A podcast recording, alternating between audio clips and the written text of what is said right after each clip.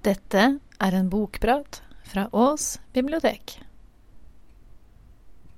200 år siden Jane Austen døde. Så jeg håper dere har lyst til å være med og markere henne litt i dag.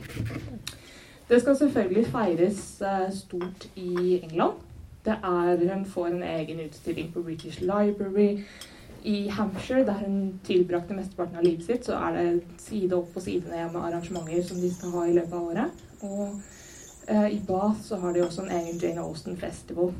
Den har de jo for øvrig hvert år, men jeg kan tenke meg at det blir litt ekstra, litt ekstra schwung over den også i år.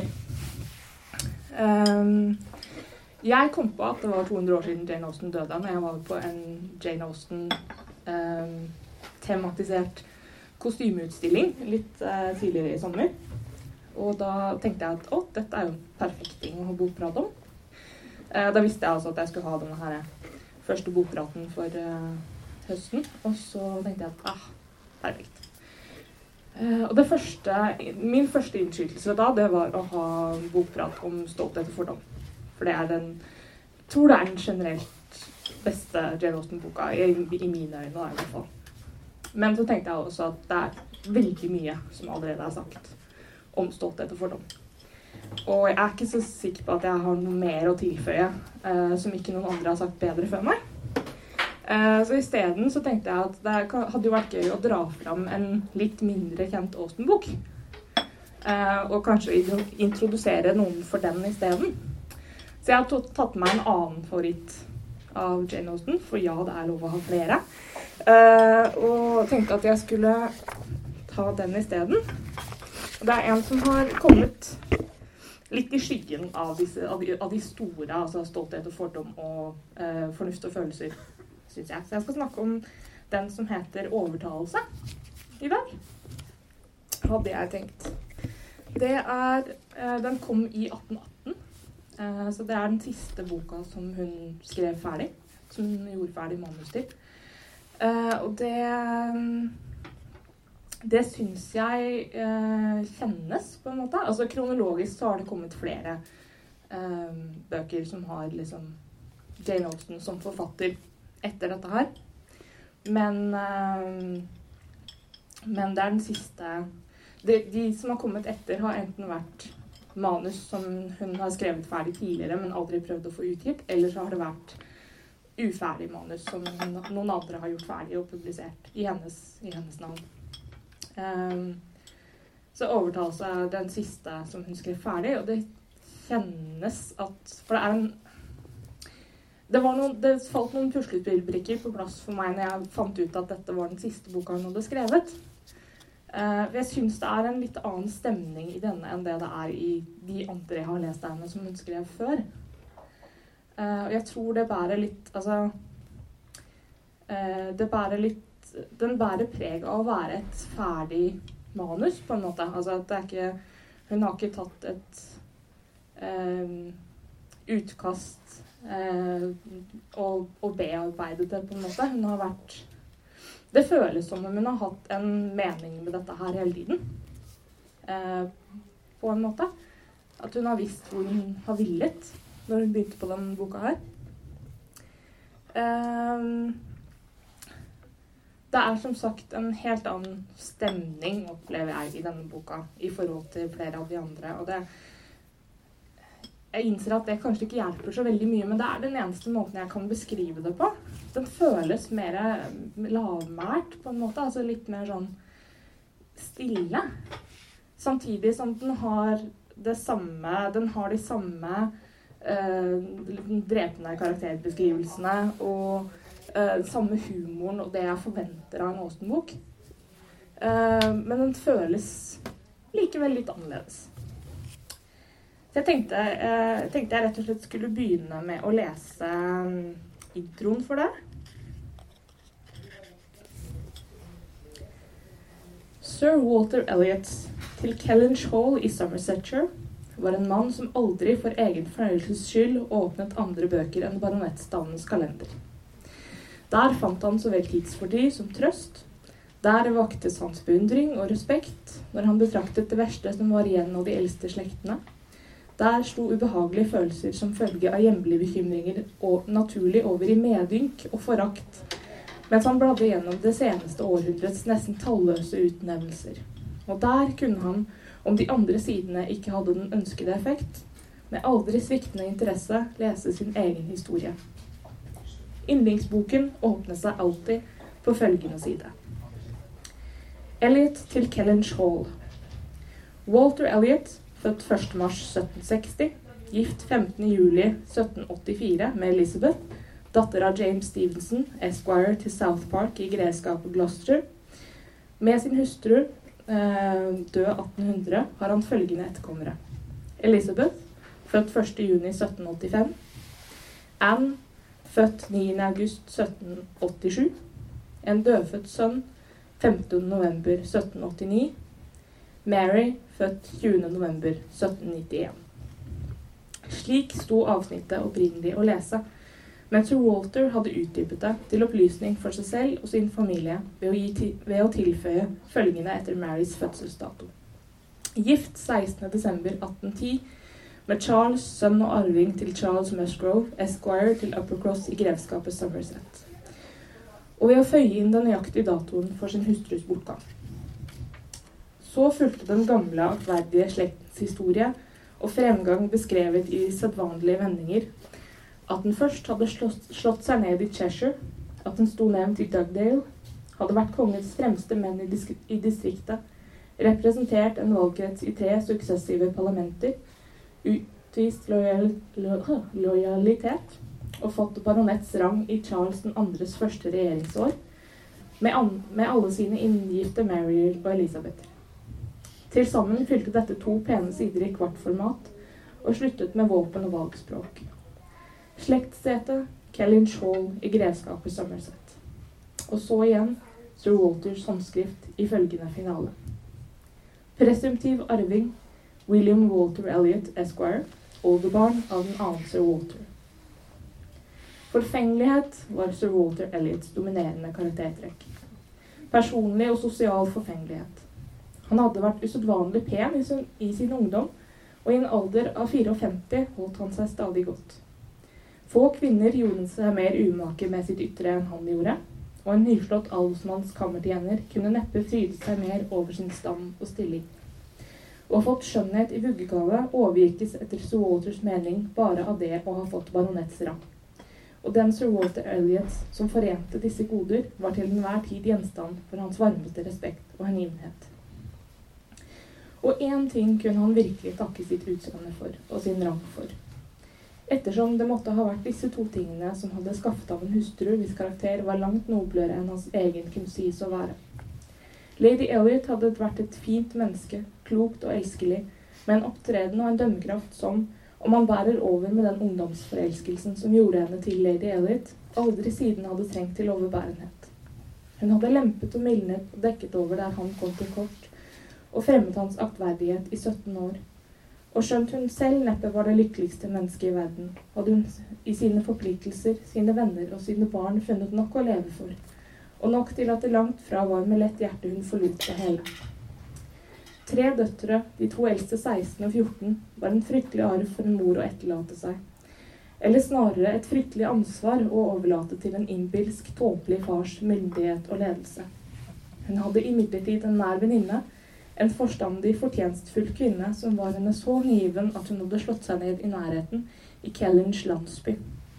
Og det var først og fremst hennes råd og kjærlighet lady Elliot hadde å støtte seg til når det gjaldt å verne og opprettholde de normer og den oppdragelsen hun så gjerne ville gi sine døtre. Denne venninnen og sir Walter giftet seg ikke med hverandre, hva enn omgivelsene måtte ha hatt av slike forventninger. 13 år var gått siden lady Elliots død, og de var fremdeles nære naboer og gode venner. Den ene stadig enkemann, den annen enke. At lady Russell, sindig av alder og karakter og umåtelig vel forsørget, ikke hadde planer om å gifte seg igjen, krever ingen offentlig redegjørelse ettersom folk er mer tilbøyelige til å gi uttrykk for urimelig misnøye når en kvinne faktisk gifter seg igjen, enn når hun ikke gjør det. Men at sir Walter forble enslig, krever en forklaring. La det derfor bekjentgjøres at sir Walter som god far, etter et par avslag fra noen svært urealistiske henvendelser, roste seg at han ble, forble enslig for sine kjære døtres skyld. For én datter, den eldste, kunne han faktisk ha ofret hva det skulle være, noe han i det store og det hele hadde sluppet. Elisabeth hadde som 16-åring overtatt sin mors, sin mors posisjon og alle hennes rettigheter, og siden hun var svært pen og svært lik sin far, hadde hun bestandig hatt stor makt over ham, og de kom utmerket overens. De to andre døtrene var atskillig mindre verd. Mary hadde oppnådd, oppnådd, en slags falsk posisjon ved å bli Mrs. Mrs. Charles Musgrove, men Anne, med et forfinet sinn og et yndig vesen som ville satt henne høyt hos ethvert virkelig klokt menneske, var ringeaktet av så vel far som søster. Hennes ord hadde ingen vekt. Det ble aldri tatt noe hensyn til henne. Hun var bare Anne. jeg syns den avslutningen er så fæl. Tenk å være bare Anne. For din egen, for din egen søster og din egen far. Åh, jeg får, jeg får vondt. Jeg får nesten vondt inni meg. Jeg tror ikke det er så greit å være Anne heller i den familien der. Det, hun har liksom ikke så mye hun skulle sagt. Hun er en, en smart, oppegående og snill uh, dame, men det, det, hjelper liksom ikke når du har en far og en søster uh, av det kaliberet der. Um, det Boka begynner med at det kommer for en dag at faren hennes har satt seg i ganske stor gjeld. Så de er nødt til å Så stor gjeld at nå er de nødt til å gjøre noe. Det er jo Syns jo ikke faren hennes noe om, selvfølgelig, men etter hvert så kommer Altså så blir han overtalt til at det er, er, dette er kritisk, og nå er de nødt til å leie ut huset. Slektsseta. Kellinch Hall. Eh, de skal flytte familien eh, til et sted der de kan være like viktige for mindre penger. Og de ender opp med at de skal flytte til Bath.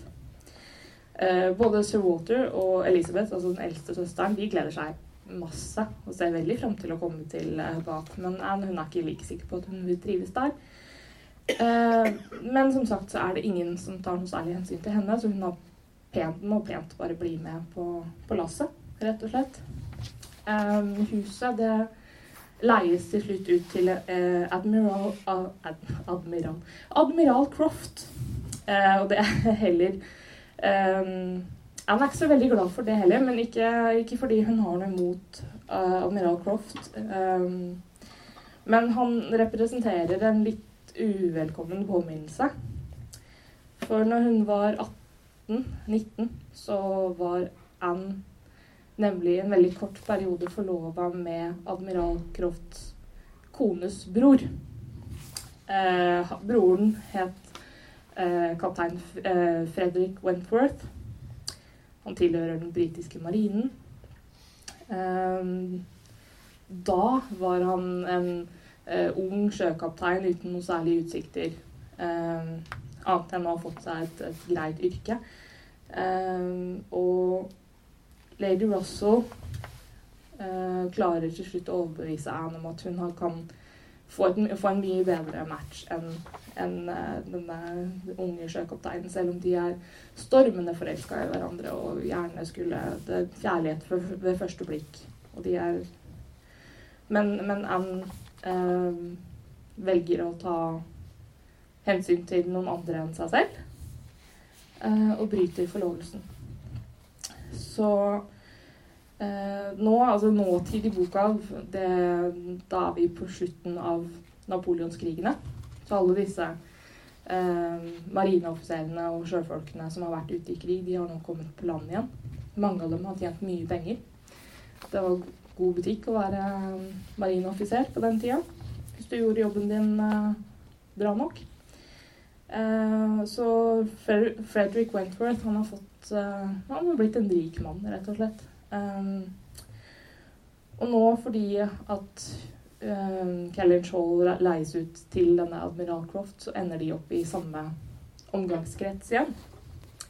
Det er jo ikke helt uh, Det var jo ikke helt venta for noen av dem, tror jeg. Uh, og de får jo en utfordring når de skal prøve å late som de ikke kjenner hverandre så godt som de gjør.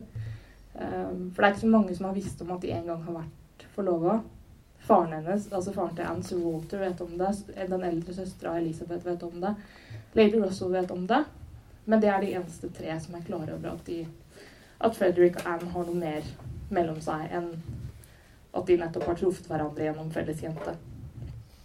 Um, så jeg tenkte jeg, jeg skal lese litt til. Jeg skal lese i um, etterkant av når de treffer hverandre for første gang etter, denne, etter at disse åtte årene har gått.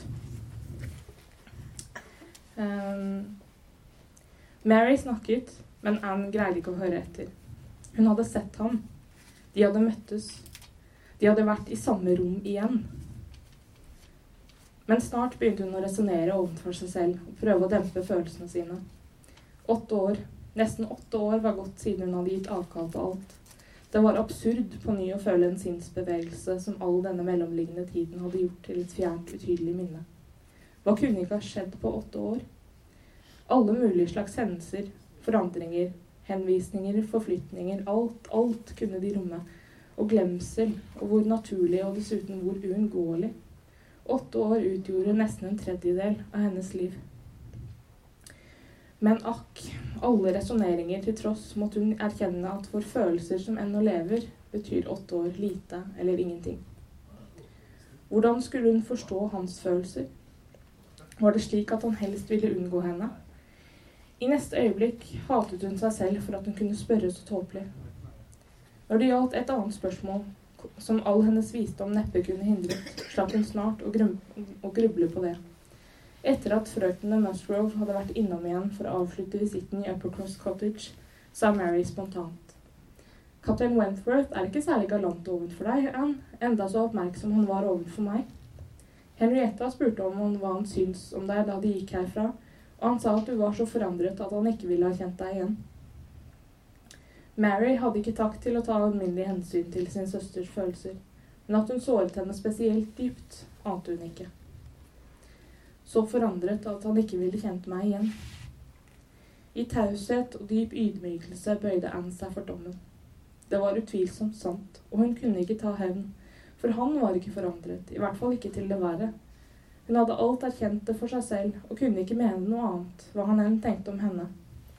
Nei, årene som hadde fratatt henne hennes ungdomsglød, hadde bare gjort ham sunnere, mer mandig og mer frimodig, og langt fra mindre tiltrekkende. Hun hadde sett den samme Frederick Wentworth så forandret at han ikke ville kjent henne igjen. Det var ord som det var umulig å glemme. Men snart begynte hun å være glad for det.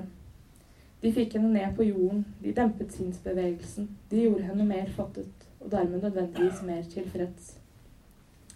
Frederick Wentworth hadde brukt slike ord, og noe i likhet med dem, men uten tanke på at de ville bli brakt videre til henne. Han syntes hun var fryktelig forandret, og da han fikk spørsmålet, hadde han sagt hva han mente. Han hadde ikke tilgitt Anne Elliot. hun hadde behandlet ham dårlig, sviktet ham og skuffet ham. Og det verste var at hun dermed hadde demonstrert en karaktersvakhet som hans, eget, som, e som, han, som hans eget bestemte, sikre sinn fant utålelig. Hun hadde gitt avkall på ham for å tekkes andre, av svakhet og fryktsomhet. Han hadde vært varmt knyttet til henne, og hadde ikke møtt noen kvinne siden som kunne måle seg med henne men bortsett fra en naturlig følelse av nysgjerrighet hadde han ikke noe ønske om å møte henne igjen. Hun hadde ikke lenger noe makt over ham. Nå ville han gifte seg. Han var rik, og nå da han var satt på land, hadde han til hensikt å etablere seg så snart han fant en tilstrekkelig forlokkende kvinne. Ja, han var på aktiv utkikk, rede til å forelske seg så raskt som et klart hode og en kresen smak tillot. Han hadde hjerte for en av frøkene Musgrove, hvis hun greide å vinne, Kort sagt hjertet for en hvilken som helst tiltrekkende ung kvinne som kom i hans vei, med unntak av Anne Elliot. Hun var hans eneste hemmelige unntak da han på sin, største, da han på sin søsters formodninger svarte. Ja da, Sofia, jeg er fullstendig rede til å gjøre noe dumt. Hvem som helst mellom 15 og 30 kan få meg om de vil. En smule skjønnhet og noen smil og et par smigrende uttalelser om marinen, så er jeg solgt. Burde ikke det holde for en sjømann som ikke har ferdes nok blant kvinner til å bli, til å bli kresen? Visste, hun visste at han sa det for å bli motsagt. Det klare, stolte blikket hans ga tydelig uttrykk for at han var kresen. Og Anne Elliot var ikke ute av tankene hans da han mer alvorlig beskrev den kvinnen som han ønsket at han kunne møte. En fast karakter og et blidt vesen, var hele hans beskrivelse. En slik kvinne er det jeg vil ha, sa han. Jeg kan naturligvis slakke litt på kravene, men det kan ikke være mye. Velger jeg dumt, er jeg virkelig dum. For dette har jeg tenkt mer på enn menn flest. Fra da av møttes kaptein Wentworth og Anne Elliot rett som det var. Snart var de sammen i middagsselskap hos Musgroves, for den lille guttens tilstand ga ikke lenger tanten noe påskudd til å holde seg borte. Og dette var bare innledningen til flere middagsselskaper og andre sammenkomster. Gamle følelser ville bli satt på prøve. Begge ville nødvendigvis bli minnet om tidligere tider. Det var umulig å ikke vende tilbake til dem. Han kunne ikke unngå å nevne året da de hadde vært forlovet i de små historiene og beskrivelsene som, som samtalen brakte på bane. Så vel yrke som lynne gjorde det naturlig for ham å snakke. Og alt den første kvelden de var sammen, hørtes Det var i år seks, og Det var før jeg dro til sjøs i år seks. Skjønt stemmen var fast, og skjønt hun ikke hadde noen grunn til å tro at blikket hans vandret i retning av henne mens han snakket, følte Anne at det var aldeles umulig, slik hun kjente ham, at han ikke var hjemsøkt av minner i like høy grad som henne. De gjorde seg ganske sikkert de samme tankene, men hun nærte ingen illusjoner om at det voldte samme, smerte hos begge. De talte ikke sammen, utvekslet ikke annet enn hva, de enn hva den alminneligste høflighet krevde. De som en gang hadde betydd så mye for hverandre, og nå intet. Det hadde vært en gang da de blant så mange, gjester som nå fylte stuen på Uppercross, ville hatt vanskelig for å rive seg løs fra hverandre. Kanskje med unntak av admiral Croft og frue, som virket usedvanlig lykkelige og knyttet til hverandre. Anne kunne ikke se noe annet unntak, selv ikke blant ekteparene. Hadde ingen hatt så åpne hjerter så lik smak, så samstemte følelser og hatt hverandres ansikt så kjært. Nå var de som fremmede. Nei, enda verre, for de kunne aldri bli bekjente. De måtte for alltid være atskilt. Når han snakket, hørte hun samme stemme og merket samme sinn. Det hersket generell uvitenhet om alt som hadde med marinen å gjøre blant de tilstedeværende, og han fikk en mengde spørsmål, særlig fra de to frøkene Musgrove, som knapt lot til å ha øye for annet enn han om levevis om bord, om daglige rutiner, mat, tider osv. Og, og deres forundring over hva han kunne fortelle om hva som lot seg gjennomføre når det gjaldt orden og bekvemmeligheter, fremrakte en godmodig erting fra hans side, som minnet Anne om den første tiden da hun også hadde vært uvitende.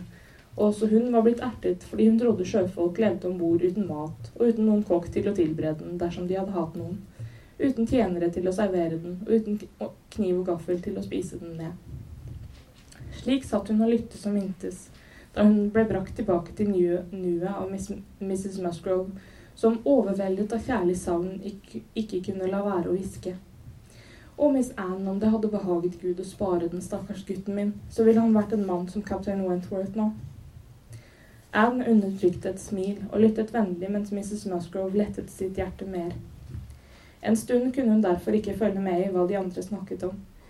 Da hun igjen kunne la oppmerksomheten følge sitt naturlige løp, var frøken Musgrove akkurat i ferd med å finne frem marinekalenderen. Sin egen marinekalender, den første de noen gang hadde hatt på Uppercross.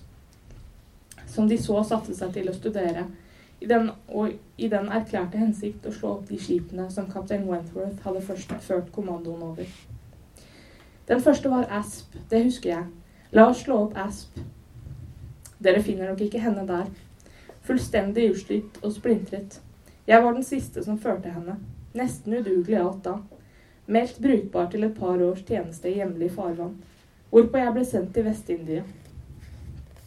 Pikene så fullstendig uforstående ut. Admiralitetet, fortsatte han, morer seg iblant med å sende noen hundre mann til sjøs på et skip som ikke er sjødyktig. Men de har så mange å sørge for, og blant de alle de tusen som like gjerne kan gå til bunns, er det vanskelig for dem å skille ut akkurat den som mest kan unnværes. Sludder og vås, utbrøt admiralen, som de snakker, disse guttevalpene. Bedre slupp enn asp var i, eh, var i sin tid, har ingen sett. Fantes ikke maken til slupp av den gamle sorten. Han var heldig som fikk henne. Han vet at det sikkert var 20 menn bedre enn ham som søkte om å få henne den gangen. Han var heldig som fikk noe som helst så fort, med så få forbindelser. Jeg visste at jeg var heldig, admiral, det kan jeg forsikre dem, svarte kaptein Wentworth alvorlig. Jeg var så tilfreds med kommandoen som de bare kan ønske det. Det var meget om å gjøre for meg på den tiden å komme til sjøs. Svært meget om å gjøre. Jeg måtte ha noe å bestille. Ja visst, hva skulle en ung fyr som deg gjøre i land i månedsvis? Den som ikke har noen kone, vil snarest mulig ut igjen. Men kaptein Wentworth, utbrøt Louisa, så skuffet de må ha vært da de fikk se hvilket gammelt skip de hadde fått. Jeg visste nok godt hvordan hun var før den tid, sa han og smilte. Jeg hadde ikke flere overraskelser i vente enn de ville hatt om det gjaldt en hvilken som helst gammel forverkskåpe de har sett lånt bort i halve deres bekjentskapskrets så lenge de kan minnes, og som til sist, en dag det regner, blir lånt bort til dem. Og jeg var glad i gamle Asp. Hun tjente meg vel. Det visste jeg at hun ville. Jeg visste at vi enten kom til å gå ned sammen, eller så ville hun bli min lykke. Jeg hadde ikke to dagers uvær så lenge jeg var til sjøs med henne. Og etter å ha kapret atskillige fiendtlige skip og hatt det riktig morsomt, var jeg så heldig på hjemturen høsten etter å støte på nettopp den franske fregatten jeg ønsket meg. Jeg tok henne inn til Plymouth, og der hadde jeg et nytt lykketreff. Før, før, vi hadde vært seks timer i sundet, fikk vi en storm som varte i fire døgn, og som ville gjort det av med gamle Asp på halve den tiden, ettersom møtet med fienden ikke nettopp hadde gjort henne mer sjødyktig. Et døgn senere ville jeg bare ha vært en tapper kaptein Wentworth i en liten notis nederst på avissidene. Og ettersom jeg bare var gått ned med en slupp, ville ingen brydd seg om det. Anne gjøs stille for seg selv. Men frøknene Musgrove kunne li være like så åpne som de var oppriktig i sine utbrudd av skrekk og medlidenhet. Og deretter, sa Mrs. Musgrove lavt, som om hun tenkte høyt, deretter kom han vel på Laconia og lærte vår stakkars gutt å kjenne. Charles, vennen min, hun vinket ham til seg. Spør kaptein Wentworth hvor det var han traff din stakkars bror, jeg glemmer det bestandig. Det var ved Gibraltar, mor, det vet jeg. Dick var blitt etterlatt i Gibraltar fordi han var syk, med en anbefaling til kaptein Wentworth fra sin tidligere kaptein. Og men Charles, si til kaptein Wentworth at han ikke behøver å være redd for å nevne stakkars Dick for min skyld, for det ville være en glede å høre ham omtalt av en slik god venn. Charles, som var litt mer oppmerksom på hvordan det egentlig forholdt seg, nikket bare og gikk sin vei. Pikene jaktet nå på Laconia, og kaptein Wentworth kunne ikke nekte seg gleden av å ta den dyrebare boken i sine, egne, i sine egne hender for å spare den bryet, og nok en gang lese høyt den korte redegjørelsen for skipets navn og bestykning og nåværende klassifisering som ikke-stridende, før han erklærte at hun også hadde vært en av de beste vennene noen mann hadde hatt. Og det var en fin tid da jeg hadde Laconia, så raskt jeg tjente penger med henne. En venn av meg og jeg hadde en herlig seilas utenfor Azorene. Stakkars Harwill, søster. Du vet hvor hardt han trengte penger. Mer enn meg. Han var gift. En fremragende kar. Jeg skal aldri glemme hvor glad han var. Det betydde så mye for ham, for hennes skyld. Jeg savnet ham sommeren etter, da jeg hadde samme hell i Middelhavet. Og jeg må si, kaptein Wentworth, sa Mrs. Musgrove, at det var en heldig dag for oss da de fikk kommandoen over det skipet. Vi skal aldri glemme hva de har gjort. Bevegelsen gjorde henne lavmælt, og kaptein Wentworth, som bare halvveis hørte hva hun sa, og som neppe hadde Dick Musgrove i tankene i det hele tatt, så temmelig forvirret ut, som han ventet på mer. Min bror, hvisket en av pikene. Mamma tenker på stakkars Richard. Den stakkars kjære gutten, fortsatte Mrs. Musgrove. Han ble så fornuftig og så flink til å skrive brev mens han var under deres omsorg. Og det ville vært en lykke om han ikke hadde forlatt dem. Jeg forsikrer dem, kaptein Wentworth, vi beklager virkelig at han forlot dem. Det gled et uttrykk over kaptein Wentworths ansikt disse ordene. Et glimt i det sterke blikket og en trekning i den vakre munnen som gjorde Anne viss på at han langt fra delte Mrs. Musgroves ønske vedrørende sønnen, men tvert imot trolig hadde satt mye inn på å bli kvitt ham. Men, men hans indre morskap var så flyktig at den var umerkelig for alle andre enn henne, som kjente han så godt. Øyeblikket etter var han igjen fattet og alvorlig. Han kom nesten umiddelbart bort til sofaen der Anne og Mrs. Musgrove satt, tok plass ved siden av den sistnevnte og samtalte lavt med henne om sønnen, med en medfølelse og en naturlig vennlighet som viste den største omtanke for alt som var ekte og meningsfylt i morens følelser. De satt faktisk i samme sofa, for Mrs. Musgrove hadde villig gjort plass til ham. Mrs. Musgrove var alt som skilte dem. Det var imidlertid ingen ubetydelig barriere. Mrs. Musgrove var solid og romslig av omfang, atskillig mer velegnet fra naturens side til å uttrykke munterhet og godt humør enn ømhet og dype følelser. Og selv om Annes slanke skikkelse og alvorlige ansikt var godt skjult, bør kaptein Wentworth berømmes for sin selvbeherskelse der han satt og lyttet til fruens fete sukk over skjebnen til en sønn som ingen hadde likt mens han levde. Det er på ingen måte noen nødvendig sammenheng mellom ytre omfang og indre sorg. En stor, ruvende skikkelse har like stor rett til å være bedrøvet som de yndigste lemmer. Men urettferdig eller ei, det er visse kombinasjoner fornuften må gi tapt ovenfor, som støter den gode smak, som uvergelig blir komiske. Admiralen hadde fått, fått gått seg noen oppkvikkende runder i rommet med hendene på ryggen da hans kone kalte ham til orden. Han gikk bort til kaptein Wentworth og sa, uten å legge merke til om han avbrøt noe, ut fra sine egne tanker. Hvis du hadde kommet en uke senere til Lisabon nå i vår, Fredrik, ville du blitt bedt om å ta lady Mary Grierson og døtrene som bor. Jaså? Da er jeg glad jeg ikke kom en uke senere. Admiralen irettesatte ham for mangel på ridderlighet. Kaptein Wentworth forsvarte seg, men erklærte at han aldri gjerne slapp kvinner om bord på et av sine skip, med mindre det gjaldt et ball eller en besøk av noen timers varighet. Men jeg tror jeg kan si, sa han, at det ikke skyldes mangel på ridderlighet. Det er snarere fordi jeg vet hvor, hvor umulig det er, uansett anstrengelse og oppofrelse, å kunne tilby slike bekvemmeligheter om bord som kvinner har krav på. Det kan da ikke være uryddelig, admiral, å legge vekt på at kvinner har krav på komfort. Og det er det jeg gjør. Jeg liker dårlig å høre om kvinner om bord og se dem om bord, og intet skip under min kommando skal frakte en familie bestående av damer noe som helst sted, om det står til meg. Dette fikk hans søster til å ta til motmæle. Fredrik, da, at du kan si slikt? Slike fine fakter er meningsløse. Kvinner kan da ha det like så bekvemt om bord som i det fineste huset i England. Jeg tror jeg har bodd mer om bord enn de fleste kvinner, og jeg kan ikke tenke meg noe mer bekvemt enn et krigsskip. Jeg må si at det ikke er den komfort eller luksus jeg nyter, selv på Kellynch Hall, med et vennlig nikk til Anne, som jeg ikke har nytt på de fleste skipene jeg har bodd på, og det er fem i alt. Det er ikke det samme, svarte broren. Du var sammen med din mann og var eneste kvinne om bord. Men du tok da selv Mrs. Harwell, hennes søster, hennes kusine og de tre barna med fra Portsmouth til Plymouth. Hvor var den forfinede ridderligheten din da?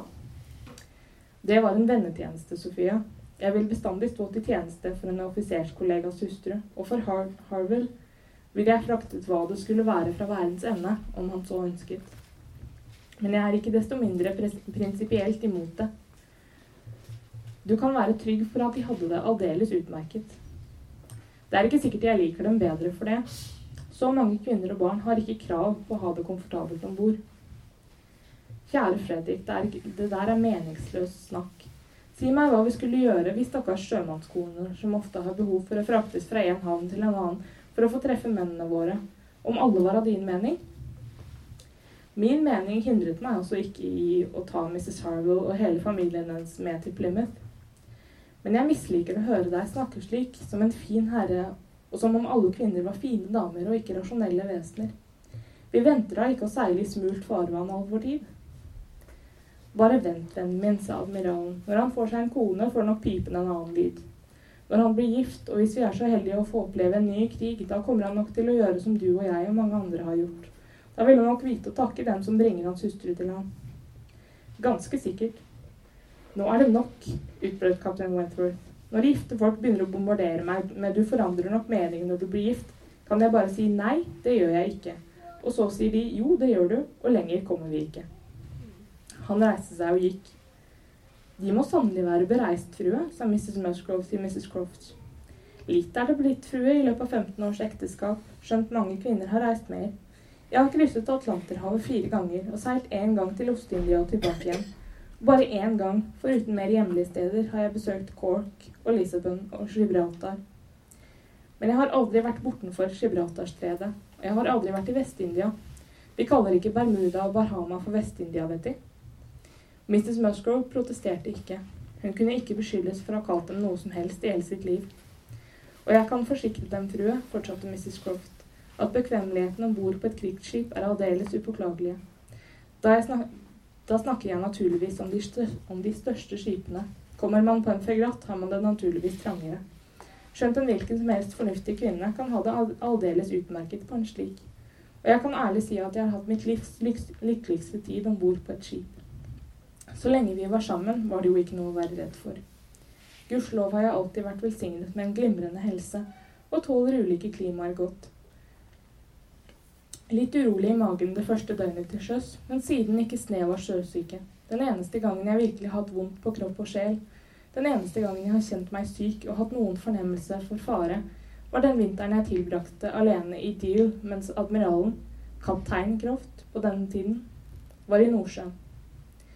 Jeg levde i evig frykt og hadde all verdens innbilte lidelser fordi jeg ikke visste hva jeg skulle ta meg til, eller når jeg fikk høre fra ham neste gang. Men bare vi fikk være sammen, feilte det meg ikke noe som helst, og ingenting var besværlig.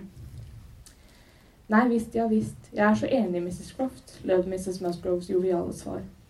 Det verste er å være fra hverandre, jeg er så enig. Jeg vet hvordan det er, for Mr. Musgrove reiser alltid til Assis... Assisi-retten. Og jeg er så glad for når rettsmøtene er over, og han er trygt hjemme igjen. Aftenen endte med dans. Da forslaget kom, tilbød Anne sine tjenester som vanlig, som vanlig. Og skjønt øynene iblant rant fulle av tårer der hun satt ved pianoet, var hun glad for å ha noe å gjøre, og ønsket ikke annet til gjengjeld enn å slippe å bli sett på. Det var et lystig lag, og ingen lot til å være i bedre humør enn kaptein Wentworth. Anne syntes han strålte opp i all oppmerksomheten og beundringen, ikke minst oppmerksomheten fra alle de unge kvinnene.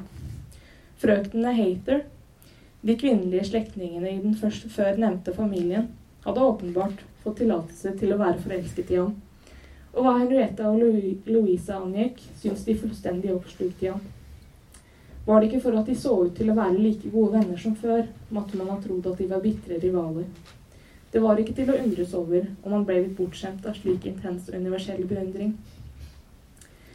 Dette var noen av de tankene som opptok Anne mens fingrene hennes løp automatisk og uavbrutt i en halv time, like feilfritt som ubevisst.